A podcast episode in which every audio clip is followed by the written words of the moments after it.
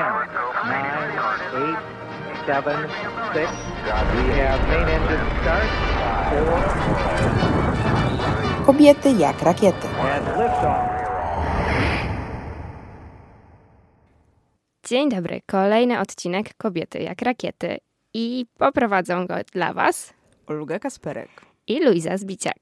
A naszą dzisiejszą gościnią jest Milena Hościło, magister grafiki warsztatowej e, z Uniwersytetu Artystycznego w Poznaniu i na tym uniwersytecie również laborantka w pracowni wypukłodruku. Nic nie pomyliłam, prawda? Nic, jest doskonale. No więc na samym początku chciałabym zapytać tak bardzo ogólnie, czym się zajmujesz zawodowo? E, zawodowo, no, tak jak wspomniałaś, pracuję na uniwersytecie, więc e, no, samo stanowisko laboranta rzadko kiedy mówi komuś, co to w ogóle oznacza, ale w praktyce jest to przede wszystkim praca ze studentami. Jeżeli ktoś jest początkujący, to e, tłumaczę i uczę generalnie, jak się wycina, jak się drukuje. No i na co dzień jestem dostępna po prostu dla studentów, e, żeby im pomóc w jakichś takich kwestiach technicznych. Czasami też prowadzę konsultacje. Generalnie jestem odpowiedzialna za pracownię. Okej, a jeszcze taki powrót, że tak powiem, do samego tytułu, bo grafika mi przynajmniej bardzo się kojarzy z grafiką komputerową, czyli tą mocno cyfrową. I czy wyjaśniłabyś, czym jest grafika warsztatowa? Y, Skąd taka nazwa w ogóle? Znaczy, na u nas na, na uniwersytecie mamy e, rzeczywiście podział na dwie katedry. Mamy katedrę e, komunikacji wizualnej i tam jest właśnie taka grafika projektowa, czyli tak typowo komputerowa, ilustracja, plakat, tego typu e, przedmioty. A na grafice artyst, e, artystycznej, teraz to się nazywa artystyczna, kiedyś warsztatowa, e, są takie bardziej tradycyjne techniki, e, których, których wyko- które wykorzystywano do druku tradycyjnie, pierwotnie. My nie korzystamy najczęściej z druku komputerowego, e, chociaż też komputer w niektórych technikach jest wykorzystywany. Akurat to, czym ja się zajmuję, komputera nie wymaga, co jest dla mnie bardzo dobrym ułatwieniem, ponieważ z komputerem radzę sobie marnie. Zdecydowanie wolę rzeczy manualne, które mogę wziąć w ręce i, i, i zrobić to dosłownie własnymi rękami. Dobrze, zaraz przejdziemy do kwestii, e, powiedzmy, takiego specyficznego rejonu grafiki, którym się e, zajmujesz, ale zanim do tego przejdziemy, to może jeszcze e, zapytamy o to, dlaczego w ogóle grafika? Skąd to się wzięło? Akurat w moim przypadku to był dość duży przy... do... w moim przypadku to był duży przypadek, przepraszam, masło maślane, troszeczkę się, się stresuję. E, na początku studiowałam licencjat w, w Gdańsku na edukacji artystycznej z animacją kultury i te studia wynikły z tego, że chciałam połączyć swoje zainteresowania jakimiś tam działaniami właśnie plastycznymi i teatrem, który był bardziej ze mn- był mi bliższy przez wiele, wiele, wiele lat. E, Tam niestety zamknięto mój kierunek, kiedy ja kończyłam licencjat i nie mogłam tam e, kontynuować nauki na studiach magisterskich, więc sprawdzałam po prostu, gdzie będą dodatkowe nabory do, we wrześniu. Były w Poznaniu na grafikę artystyczną, a jako, że miałam minimalne doświadczenie w związku z poprzednimi studiami, no to spróbowałam, dostałam się i tak naprawdę z przypadku trafiłam na studia, a tuż po studiach zaczęłam pracę.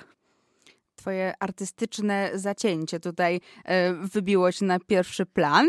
No i od kiedy, powiedzmy, masz taką świadomość, że faktycznie jednak sztuka i jakieś e, artystyczne tutaj wyrażanie siebie jest tym, co chciałabyś faktycznie robić w życiu? Czy może jakoś w dzieciństwie ktoś się do tego zachęcał, czy to też była, powiedzmy, jakaś taka kwestia przypadku? Znaczy, no, jeśli chodzi, moi rodzice nie mają nic specjalnie wspólnego z, ze sztuką, bo prowadzą sklepy spożywcze e, w malutkiej miejscowości, z której pochodzę. E, Wydaje mi się, że mój tata ma dość taki, takie zacięcie artystyczne, bo czasami pisze jakieś tam wiersze, jakieś tam fraszki. Em, Może nie wiadomo, nie jest to nic tam specjalnie profesjonalnego, ale, ale zawsze miał taki element humoru i jakiejś takiej zabawy właśnie w, taki, w takim mm, stylu. E, A tak naprawdę wydaje mi się, że taki pierwszy moment, kiedy rzeczywiście poczułam, że sztuka jest czymś, co jest mi bliskie, to była trzecia chyba klasa podstawówki, kiedy poszłam e, właśnie z klasą na spektakl w Ośrodku Kultury naszym, w którym grały dwie nasze koleżanki. No i po prostu odkąd zobaczyłam tam ten spektakl, to ja wiedziałam, że, że mnie ciągnie, że ja po prostu potrzebuję takiego poczucia, że opowiadam komuś historię, że chcę budować coś piękniejszego niż to, co mam wokół siebie, coś bardziej magicznego, coś, co może przemówić na troszeczkę innym podłożu niż taka szara codzienność, tylko może rzeczywiście wpłynąć na naszą wyobraźnię, na nasze emocje, na nasze uczucia. Oczywiście teraz to brzmi poważnie, jak to opowiadam, jako tam dziesięcioletni dzieciak nie myślałam o tym w tych kategoriach, ale było to, było to jakieś takie bardzo silne uczucie. No, zaczęło się od teatru przede wszystkim. Zaczęło się od teatru, ale pytanie, czy teraz łączysz jakoś teatr z swoją z, tak naprawdę twórczością artystyczną, właśnie z grafiką czy z linorytem? E, z linorytem może mniej, z grafiką rzeczywiście troszkę, bo przez e, pięć lat organizowałyśmy z przyjaciółkami festiwal teatralny, też założyłyśmy własną grupę, więc jako jedyna osoba z jakimś tam plastycznym zacięciem oczywiście skończyłam robiąc nam plakaty, e, które niespecjalnie były wtedy profesjonalne.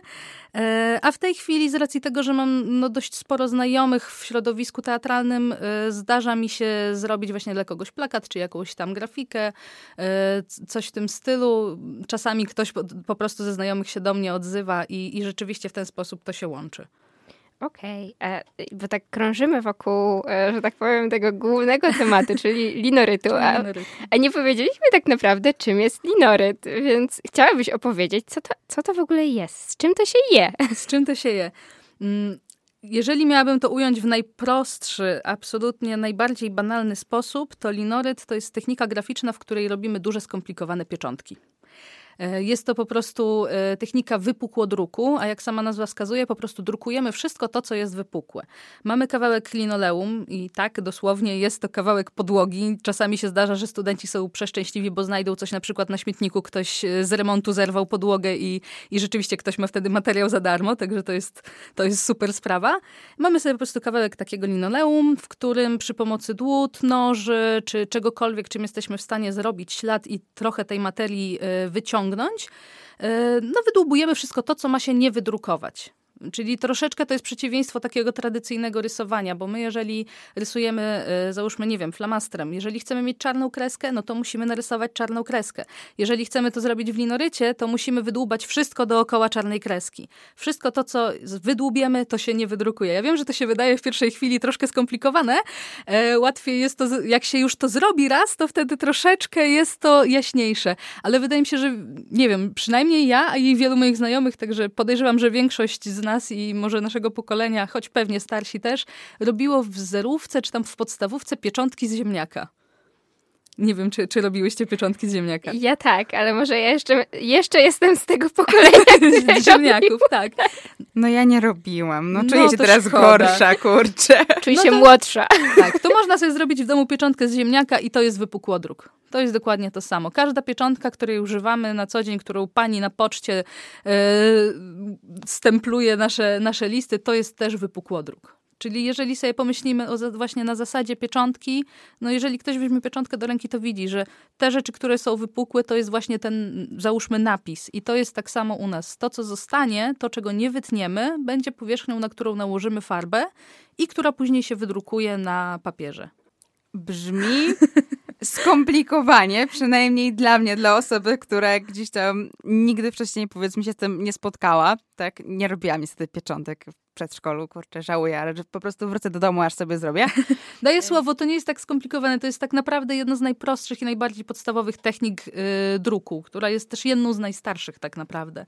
Faktycznie, aczkolwiek na pewno w linorycie jest coś, co sprawia na pewno studentom, czy, czy później właściwie osobom, które faktycznie tym się zajmują zawodowo, jakąś trudność.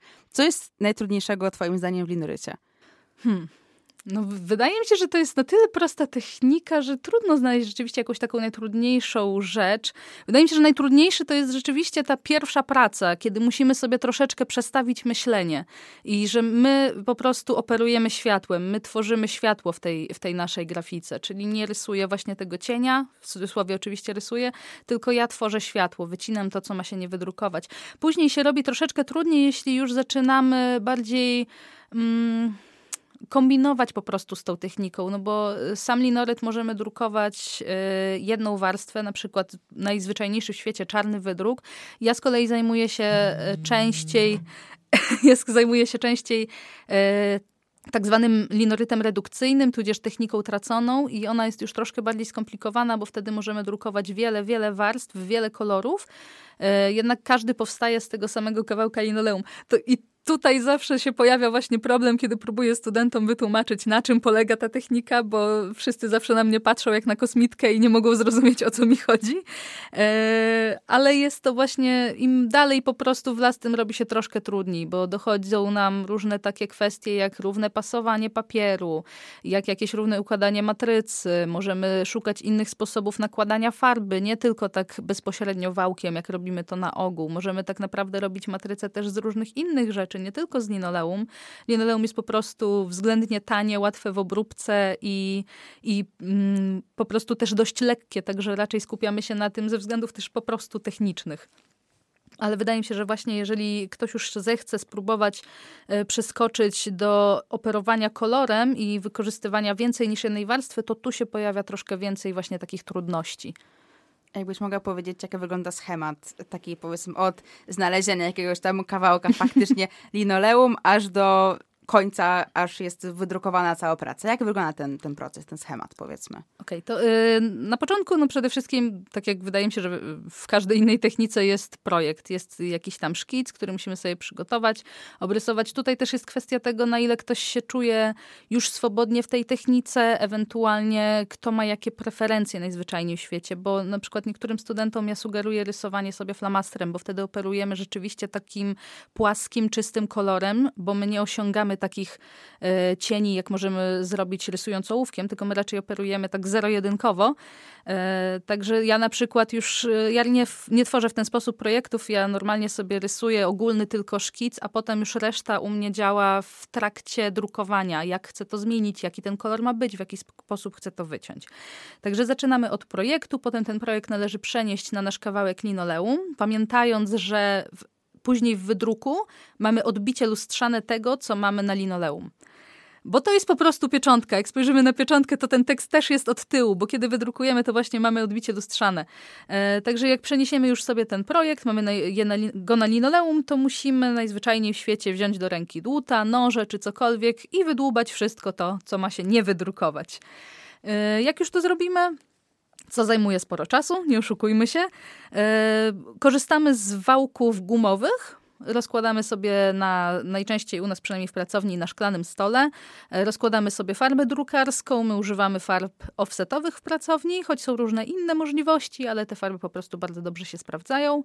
E, rozwałkowujemy tą farbę wałkiem, potem nakładamy ją na matrycę, czyli na ten właśnie wydłubany kawałek linoleum. Później kładziemy to na prasie drukarskiej do matrycy z farbą przykładamy czysty papier, na którym ma się pojawić wydruk. Przejeżdżamy przez prasę drukarską i wydruk jest po prostu gotowy. Potem to sobie schnie.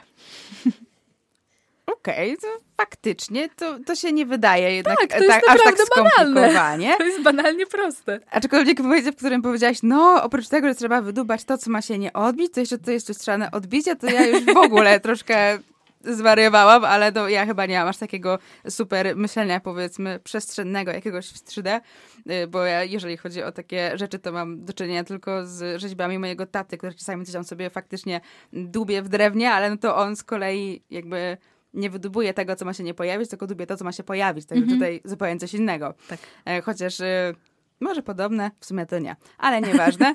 E, w każdym razie, okej, okay, mamy sobie gotowy projekt, no ale właśnie, projekt, musi pojawić się jakiś pomysł.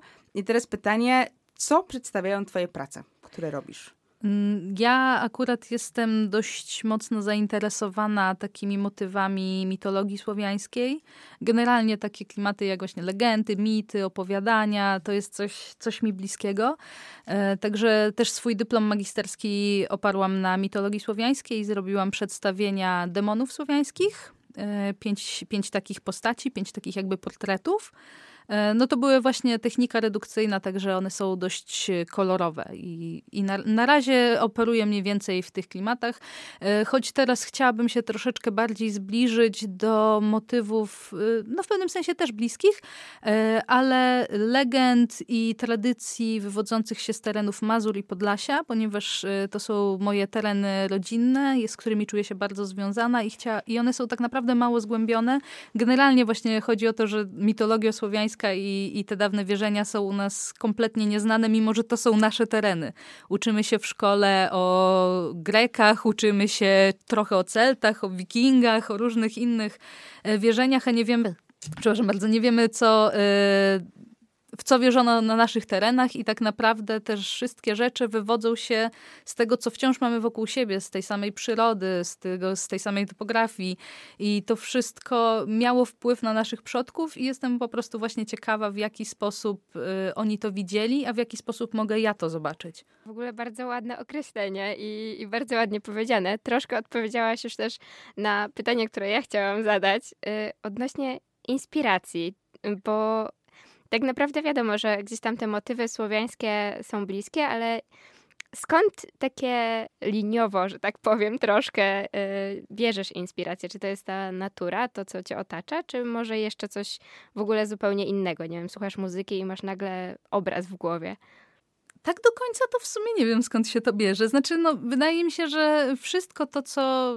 my w sensie takim graficy w tym wypadku e, tworzymy, jest jakąś taką sumą wszystkich rzeczy, które zobaczyliśmy, które czujemy, które zauważamy. Wydaje mi się, że jeśli chodzi o naturę i przyrodę, to ona jest dla mnie takim jest dla mnie rzeczą, albo zjawiskiem może raczej, które wywołuje we mnie w pewne odczucia. Może niekoniecznie odnoszę się bezpośrednio do, e, do czegoś, co konkretnie zobaczyłam, na przykład na spacerze czy cokolwiek, tylko to wywołuje we mnie pewne emocje, pewną, e, pewien taki, e, no w cudzysłowie powiedzmy klimat, takie poczucie, że coś, coś tam jest, coś się chowa. E, cóż jeszcze może być moją inspiracją tak naprawdę? No wiadomo, ja się też stara, sta, robiąc swoje prace, staram się opierać na w miarę rzetelnych y, tekstach, bo chciałabym, żeby to nie były wyobrażenia takie nazwijmy to fanartowe, żeby to nie były przedstawienia, które wynikają y, z oglądania seriali, filmów czy, czy gier Wiedźmina, tak? Bo nie oszukujmy się, że w tej chwili jest to taka no, podstawa jakiejś y, ogólnej wiedzy o, o słowiańskości i o tej mitologii. E, chciałabym, żeby to się wynikało maksymalnie możliwie z y, takich mm, realnych wyobrażeń no, naszych przodków.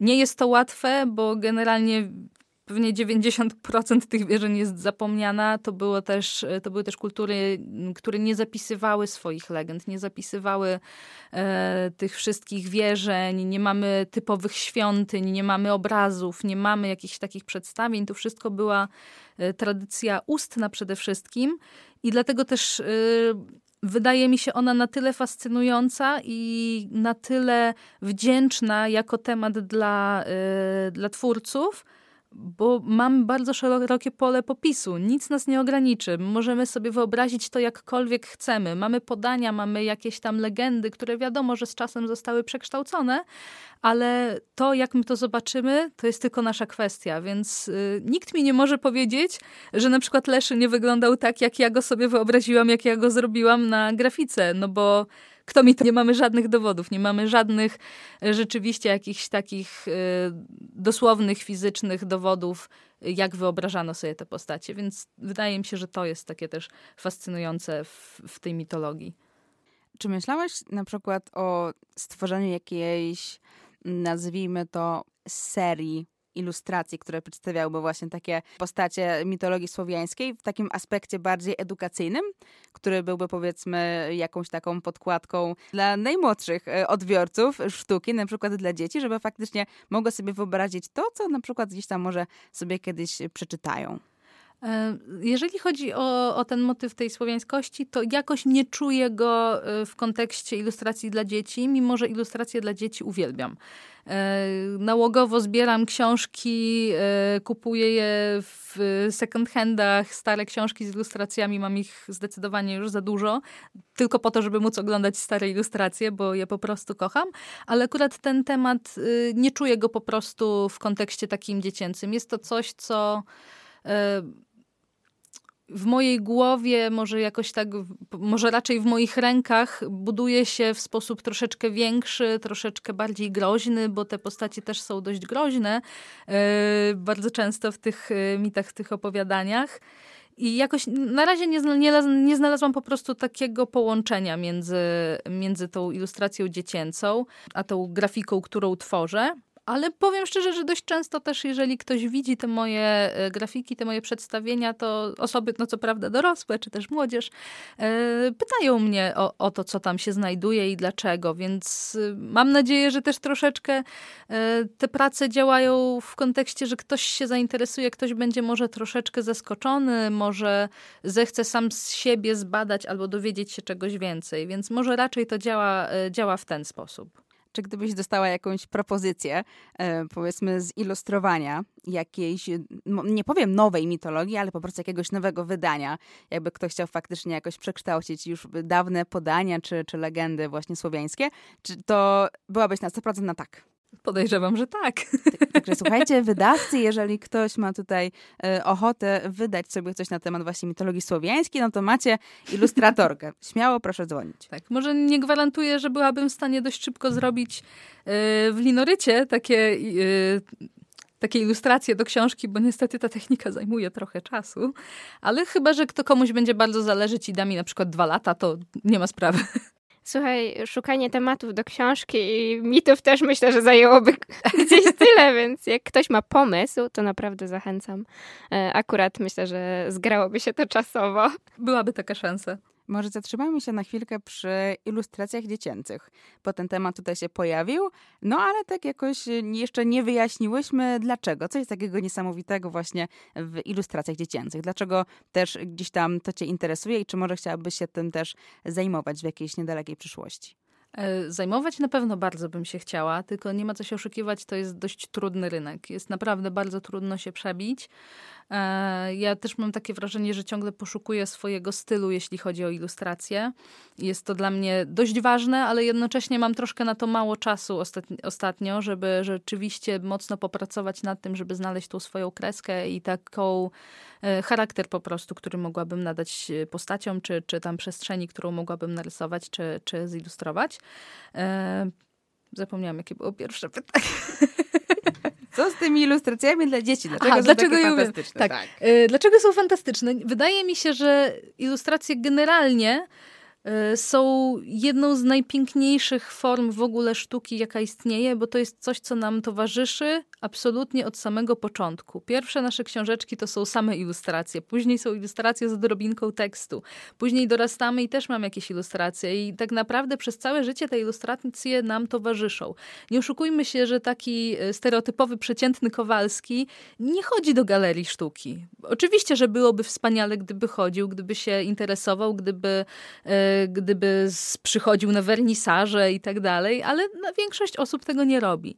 Natomiast ilustracja, którą znajdujemy w książce, którą znajdujemy w gazecie, którą znajdujemy wszędzie, jest takim e, takim naszym pierwszym krokiem w ogóle do świata sztuki, y, krokiem w ogóle do estetyki może bardziej niż tylko samego świata sztuki, bo e, rozwijanie estetyki wydaje mi się dużo ważniejsze i żałuję, że tego nie ma na przykład w szkołach. Zamiast historii sztuki uważam, że powinna być czysto estetyka. I to jest właśnie taka, takie coś, co rozwija naszą wrażliwość, też taką wizualną, ale jednocześnie te wszystkie ilustracje zostają z nami, bo wydaje mi się, że większość z nas ma książeczki z dzieciństwa, które pamiętamy przez obrazki, które wyobrażaliśmy sobie, że jesteśmy częścią w ogóle tego świata, który został nam przedstawiony. Ja do tej pory pamiętam właśnie ilustracje z książeczki e, Karolcia i niebieski koralik. I pamiętam jak ta Karolcia tam leciała, gdzieś tam był jakiś lew. I tak sobie wyobrażałam, że ja też lecę z tym koralikiem. I to są rzeczy, które w nas zostają, więc to są właśnie takie na swój sposób proste, choć wcale nie proste do wykonania, formy sztuki dostępne absolutnie dla każdego. One nie są przeznaczone do White Cuba, one nie są przeznaczone do e, wielkich galerii gdzieś tam w Paryżu, czy w Mediolanie, czy gdziekolwiek, tylko to jest sztuka do domu, to jest sztuka do ręki. Ona nieważne ile jest wydrukowanych kopii tej samej książki, każdy jeden egzemplarz jest dla nas osobisty bo nie ma to dla nas znaczenia, że ktoś ma taką samą książkę jak ja. Ona ma dla mnie mój osobisty wymiar, moje osobiste znaczenie i to jest dla mnie najbardziej chyba magiczne w ilustracji to jest bardzo duża odpowiedzialność. Jak teraz przedstawiłaś ten temat. Tak, też mi się tak wydaje. Nie boisz się tego? Oczywiście, że trochę się boję, ale wydaje mi się, że to jest taki stres, który towarzyszy każdemu twórcy, niezależnie od tego, w jakiej dziedzinie działa. Czy to jest ilustracja, czy to jest teatr, czy to jest muzyka. Zawsze to, co dajemy, nie ma absolutnie żadnego sensu istnienia, jeżeli nie ma odbiorcy. To odbiorca tak naprawdę decyduje o tym, E, czy to, co ja robię, jest dla niego ważne. Ja mogę to zrobić, ja mogę to puścić w świat i oczywiście, że się stresuję, no bo każdy chce, żeby to, co robimy, się podobało ludziom. E, ale moja, moja działka kończy się na przygotowaniu i zrobieniu tego. Później wszystko już zależy od widzów, od odbiorców. A co z twoimi odbiorcami? Co z moimi odbiorcami? to chyba trzeba ich zapytać. Nie ma ich jakoś tam bardzo wiele. Nie, nie mam za dużo umiejętności takich, jakby to określić, marketingowych, o może tak to nazwijmy. Nie jestem bardzo dobra w social media. Na, właściwie zostałam zmuszona przez znajomych do założenia Instagrama parę lat temu, także rzeczywiście wrzucam tam te swoje, e, swoje prace ale nie jestem to dobra. Jest to dla mnie trudne i gdyby chciał się znaleźć jakiś menedżer artystyczny, to generalnie bardzo chętnie, choć mnie nie stać, ale bardzo chętnie bym wzięła wszelkie możliwe rady, bo jest to dla mnie właśnie trudne móc się przebić i, i nie wstydzić się tego, co robię. Znaczy, może nie tyle wstydzić, tylko mieć na tyle pewności do jakości i do y, wartości tego, co robię, żeby, żeby z tym wychodzić i przejść do przodu i troszeczkę ludzi y, zachęcać do, do korzystania z tego. Ja przyznam się szczerze, że w międzyczasie y, rzuciłam okiem, tak mówiąc bardzo kolokwialnie, na Twojego Instagrama i powiem szczerze, że jestem w szoku, że mówisz, że nie czujesz tych social media, bo one rzeczywiście. Mediów? Mediów? Midi? Jakkolwiek. Nie Portalów społecznościowych, po polsku, dziewczęta, po polsku. Bo przeglądając nawet tak tutaj, przewijając sobie, to jest naprawdę fajnie i spójnie prowadzone. I te prace rzeczywiście są takie spójne moim zdaniem. Więc yy, wydaje mi się, że nie wiem, może to wynika też z estetyki, o której mówiłaś i z tego, że po prostu gdzieś tam to siedzi głęboko. E, ale myślę, że spory potencjał, którego jeszcze może nie zauważasz po prostu, słuchaj. ale może trzeba po prostu rozkręcić mocno Instagrama, więc jak ktoś ma ochotę podejrzeć, to Milena ilustruje i, i zapraszamy, żeby zerknąć na pracę. I skoro o pracach mowa i o oglądaniu prac, to powiedz mi, czy może masz plany, a może już udało ci się coś takiego zorganizować? E, sprzedajesz swoje prace? E, jeżeli ktoś się do mnie odezwie, to oczywiście sprzedaję. O ile mam czas, to też zawsze staram się na jakieś na Boże Narodzenie czy na Wielkanoc przygotować takie proste rzeczy jak kartki e, do, wys do wysyłki z e, życzeniami. No niestety ostatnio tego czasu troszkę mi brakuje. Moje postanowienie na rok 2022 to otworzyć konto na Etsy lub jak, jakikolwiek innym portalu. Podejrzewam, że to będzie Etsy, bo jednak jest ono najbardziej rozpowszechnione i żeby już tak rzeczywiście móc tam wrzucać te swoje prace I troszeczkę się ich pozbywać, no bo po prostu mam ich górę w mieszkaniu i już mi się troszkę nie mieszczą. E, także no, rzeczywiście to jest taki mój plan. E, bardzo możliwe, że będę się wystawiać na Pyrkonie tegorocznym. Będę miała stanowisko, także mam też z takich drobniejszych rzeczy E, mam przygotowane już e, zakładki z ręcznym wydrukiem z Harry'ego Pottera, bo generalnie nie ma co się oszukiwać, troszkę ze mnie nerd. E, a teraz właśnie dzisiaj skończyłam projekt do zakładek z Władcą Pierścieni, także będzie cała drużyna pierścienia wydrukowana na zakładkach do książek, które właśnie mam nadzieję móc, móc na tym Pyrkonie przedstawić. Słuchajcie, musicie koniecznie sprawdzić profil Mileny, bo ja widziałam te zakładki do książek. No, I jakbym miała taką zakładkę i pewnie sobie ją zakupię po tej audycji i się ładnie uśmiechnę do Mileny, to słuchajcie, chciałoby mi się czytać książki jeszcze bardziej niż teraz. Teraz mi się średnio chce, ale jakbym miała taką zakładkę, to miałam takie, kurczę, otwórzmy książkę, przeczytajmy tylko po to, żeby popatrzeć na zakładkę. Zakładkę można nawet powiesić na ścianie. Ale promujmy czytelnictwo. Ale promujmy czytelnictwo. Na początku też wspomniałaś e, o teatrze, no bo tutaj grafika nie jest twoją jedyną pasją. No i co z tym teatrem? Tutaj jakieś grafiki były robione, ale powiedziałaś wcześniej, że e, powstała też grupa teatralna, w której brałaś udział. No i co tam się wydarzyło? Co tam się nie wydarzyło? Przepraszam za pytanie, jednak co tam się nie wydarzyło? O. Oj, nie wiem sama. Znaczy, generalnie zaczęłam w czwartej klasie podstawówki i najpierw chodziłam do grupy w ośrodku, pod ośrodkiem kultury po prostu w moim mieście. Generalnie pochodzę z Olecka, jakby coś. E, później po paru latach e, z czterema przyjaciółkami postanowiłyśmy założyć własną grupę. Jednocześnie wciąż grałam w grupie pod ośrodkiem kultury, ale chciałyśmy zrobić coś swojego. Chciałyśmy zrobić własne spektakle, e, wymyślać własne scenariusze. Zorganizowałyśmy też właśnie festiwal dla teatrów podobnych jak my, czyli takich amatorskich.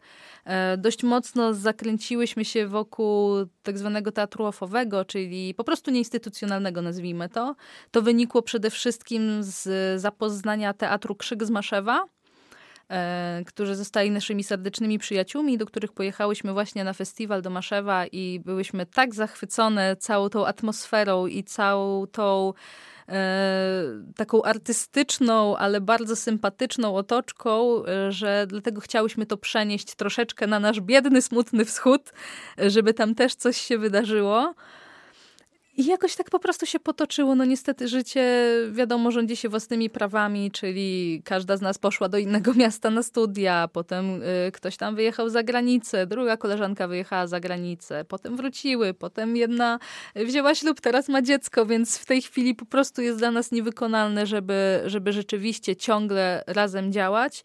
E, tak naprawdę z całej naszej grupki ja jestem jedyną osobą, która od czasu do czasu coś tam jeszcze, e, jeszcze podziała, co raczej jest, zawdzięczam różnym innym mm, przyjaciołom i znajomym, których właśnie na tej drodze teatralnej poznałyśmy. Więc tak od czasu do czasu gdzieś tam się pojawia, ale nie jest, nie jest to już nic takiego yy, stałego. A co najbardziej ci się podoba w teatrze? Właśnie to, że możesz opowiadać pełną historię? Czy może cała aura teatralna? Czy to, że... Kurczę, nie wiem. nie potrafię tutaj wskazać jakichś konkretnych elementów, jeżeli chodzi o ja teatr. Też. Okej, okay, czyli. Wydaje mi się, że wszystko, całokształt. Znaczy, jeśli chodzi o ten teatr właśnie, z którym miałam najwięcej wspólnego, czyli ten taki ofowy, czyli te wszystkie grupy, w większości z zachodniopomorskiego, bo to jest dość taka e, zgrana ekipa, zawsze czułam się w miarę swobodnie w tym środowisku. Ja nie zawsze mam, mam to poczucie. W środowisku takim graficznym, plastycznym nie zawsze czuję się swobodnie. E, oczywiście wśród osób, które już dobrze znam jest ok, ale mam poczucie czasami takiej bariery, a tam zawsze czułam się sobą, czułam się e, dobrze ze swoim poczuciem humoru, czułam się dobrze wśród ludzi, których poznałam. A jeśli chodzi o samą scenę, to jest coś coś, co jest naprawdę trudno wytłumaczyć, jeśli ktoś nigdy nie był na scenie, bo możemy w, w, życiu codziennym być bardzo spokojni, możemy być bardzo wycofani, ale na scenie nic nie ma znaczenia. Nic poza sceną nie ma znaczenia tak naprawdę. Kiedy jesteśmy na scenie, to liczy się tylko to, co próbujemy przekazać. Ja właśnie kocham opowiadać historię. To jest coś coś takiego, wydaje mi się, że niezwykle pierwotnego w człowieku. To jest chyba jedna z najbardziej takich ludzkich rzeczy, że my chcemy opowiadać i na tym się wydaje, tak mi się wydaje, opiera się w ogóle nasza cywilizacja, na tych historiach. Samo to uczucie, kiedy gorący, gorące światło reflektora grzeje mi twarz, kiedy ja nie, nie widzę tak naprawdę ludzi, nawet jeśli na nich patrzę, jestem zupełnie kimś innym, jestem zupełnie gdzie indziej, nic nie ma znaczenia, tylko to, że ja tam stoję. I to jest tak magiczne uczucie, którego nie da się w żaden inny sposób odtworzyć, które próbowałam odtworzyć w różnych innych dziedzinach, na różne inne sposoby ale mimo wszystko jakaś taka tęsknota za postawieniem stopy właśnie na tych trzeszczących deskach mojego dawnego teatru, to jest coś, za czym będę chyba tęsknić już przez całe życie i co nigdy nie zejdzie z pierwszego miejsca w moim serduszku.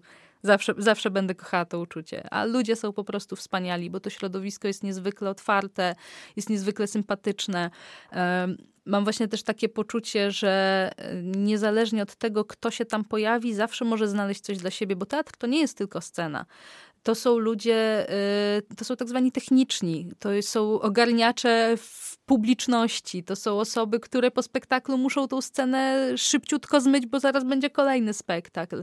To są ludzie, którzy tworzą muzykę, którzy tworzą kostiumy, którzy reżyserują. Naprawdę, żeby kochać teatr i w nim działać, wcale nie trzeba być na scenie. Ja akurat najbardziej, najbardziej to lubię, ale teatr jest niezwykle otwarty i różnorodny i przyjmuje każdego z otwartymi rękami. Przynajmniej ten teatr, jaki ja poznałam. Wiadomo, że być może w instytucji jest inaczej. Nie wiem, nie miałam z, tak naprawdę styczności, jeśli chodzi o taką typową instytucję, ale ten teatr, który ja poznałam i ci ludzie, których poznałam, dali mi tak dużo, że chyba nawet nie mają świadomości, jak ogromny mieli wpływ na mnie. To możemy posłuchać naszej audycji, wtedy na pewno się dowiedzą. Zdecydowanie tak pięknie podsumowałaś uczestniczenie, znaczy branie udziału, po prostu bycie członkiem jakiejś grupy teatralnej, że ja chyba nic więcej tutaj nie dodam. Aczkolwiek chciałabym jeszcze tutaj nawiązać do e, wydarzenia, które miało miejsce w pierwszy weekend kwietnia, e, mianowicie do ofensywy teatralnej, która miała miejsce w Poznaniu. To była ósma edycja. No i pojawiło się tam magiczne słowo, magiczne, gdyż dla mnie wszystkie słowa, których e, wcześniej nie słyszałam, są magiczne. Mianowicie chimera. I myślę, że chimera to jest coś, co tutaj wyniknęło, powiedzmy, od ciebie? E, nawet nie do końca, bo główny organizator Całe Serce i Dusza Festiwalu, czyli Karol Barcki, z którym znamy się już kupę lat, e, już jakiś czas temu odezwał się do mnie, że chciałby, żeby właśnie kolejna edycja e, ofensywy miała podtytuł Chimera. A Chimera to był właśnie festiwal, który organizowałam z moimi przyjaciółkami, na którym Karol zresztą chyba na wszystkich edycjach występował. Może na jednej go nie było, ale, ale na jednej był też z dwoma spektaklami, także myślę, że to wszystko się równoważy. E, I właśnie to wydaje mi się, znaczy, to był taki, może nie ukłon, ale taki bardzo sympatyczny gest z jego strony, żeby żeby wspomnieć to wydarzenie, które my robiłyśmy też totalnie oddolnie, bo pięć dziewczyn w wieku licealnym, które po prostu stwierdziły, że zrobią festiwal, bo tego chcą bo chcą coś zrobić dla swojego miasta, bo chcą coś zrobić dla siebie i bez jakiejkolwiek tak naprawdę wiedzy merytorycznej, jak takie rzeczy się robi. E, zadziałałyśmy, z, to był wynik czystej pasji i czystej miłości do tego, co robiłyśmy i miłości takiej przyjacielskiej do siebie. E, I właśnie Karol był na tyle serdecznie, na tyle uprzejmy, że chciał to wspomnieć, mimo że już nasz festiwal się nie odbywa więcej, już po prostu nie jesteśmy w stanie tego robić. E, to też jako takie wspomnienie, jako tak taka, nie wiem, może mi, minimalnie możemy powiedzieć laurka e, naszego działania. A jako, że odkąd jestem w Poznaniu, Karol jest na tyle dobrym przyjacielem, że wkręca mnie w możliwie wiele działań i aktywności. E, poprzez nasze częste rozmowy o tym, jak tęsknię też za tym festiwalem, bo no nie ma co się oszukiwać, to było nasze dziecko. To jest nasze dziecko i tam było po prostu tyle wspaniałych wspomnień i tyle cudownych znajomości się wytworzyło, e, że był na tyle uprzejmy że, i, i, i miły, że chciał Wydaje mi się, że może troszeczkę właśnie to uczucie, które my sobie stworzyłyśmy też wśród naszych uczestników, wśród publiczności, to czym była ta chimera, też troszeczkę po prostu przenieść tutaj na tą ofensywę poprzez nasze wspólne działanie. I udało się? Mam taką nadzieję. To myślę, że publiczność powinna odpowiedzieć przede wszystkim, ale ja na pewno miałam poczucie, że, że troszeczkę właśnie ten, y, to uczucie wróciło i, i to takie nie wiem nawet jak to określić. Y, troszeczkę tego charakteru tutaj udało się przenieść do Poznania. Dobrze, to może ostatnie pytanie, tak już biegnąc y, ku końcu naszej audycji. Może Luizo, zadaj ostatnie najważniejsze pytanie, które pojawia się zawsze. Tak, y, w sumie chyba zawsze, nie wiem czy zawsze, ale pytanie, bo w ogóle cudownie opowiadasz o teatrze, cudownie opowiadałaś wcześniej o sztuce. I moje pytanie jest takie: co planujesz na przyszłość? Tak? Czy, czy chcesz więcej tego łączyć? Czy o czym tak marzysz na przyszłość, powiedzmy? Takie, takie plany i marzenia na najbliższe lata, miesiące, może dni? To jest chyba najtrudniejsze pytanie, jakie można mi było zadać, naprawdę. Dlatego jest zadawane na końcu, żeby nie zestresować naszych rozmówców na samym początku. Ojej, ale i tak się udało, i tak się zestresowałam. Jakie ja mam plany i marzenia? Mm, ja wbrew pozorom nie jestem bardzo optymistyczną osobą. Ja raczej jestem taka bardzo, bardzo przy gruncie i e, czasami może nawet troszeczkę smuteczek e, we mnie dominuje. E, no, chciałabym rzeczywiście móc więcej działać teatralnie, chciałabym wrócić do tej takiej teatralnej formy. Od wielu lat marzy mi się zrobienie monodramu, żeby nie być już zależną od kogokolwiek, od tego, że ktoś nie może, że ktoś jest chory czy cokolwiek. Jeżeli chcę grać, to jadę i gram. Także to mi się na pewno marzy, choć też boję się, że już po prostu wyszłam z, z wprawy, jeśli o to chodzi. E, jeśli chodzi zaś o rzeczy takie właśnie czysto plastyczne, no to tak jak wspominałam, chciałabym właśnie otworzyć gdzieś konto, czy tudzież jakiś tam sklep internetowy. E, no i może chciałabym oczywiście ilustrować książki dla dzieci, nie będę kłamać, jest to jedno z takich y, większych marzeń. E, gdybym miała taką możliwość, to też otworzyć własną pracownię. Bardzo dobrze się czuję na uniwersytecie, ale mimo wszystko marzy mi się też, żeby móc otworzyć własną pracownię, prowadzić takie e, warsztaty i jednocześnie tworzyć własne rzeczy, e, nie tylko jako taką typową grafikę, typową właśnie powiedzmy sztukę, tylko też jako użytek, czyli kartki, czyli kalendarze, czyli jakieś takie różne druki drobne, które człowiek właśnie może przenieść do swojej codzienności, nie mając dużej, pustej ściany, na której może powiesić grafikę. O, to może tak. I tego Ci życzymy. E, przypomnimy, że naszą gościną była Milena Hościło z Katedry Grafiki e, na Uniwersytecie Artystycznym w Poznaniu. Realizowała nas Agata Gliniecka, a za audycję dziękuję Wam. Luisa Zbiciak i Olga Kasperek.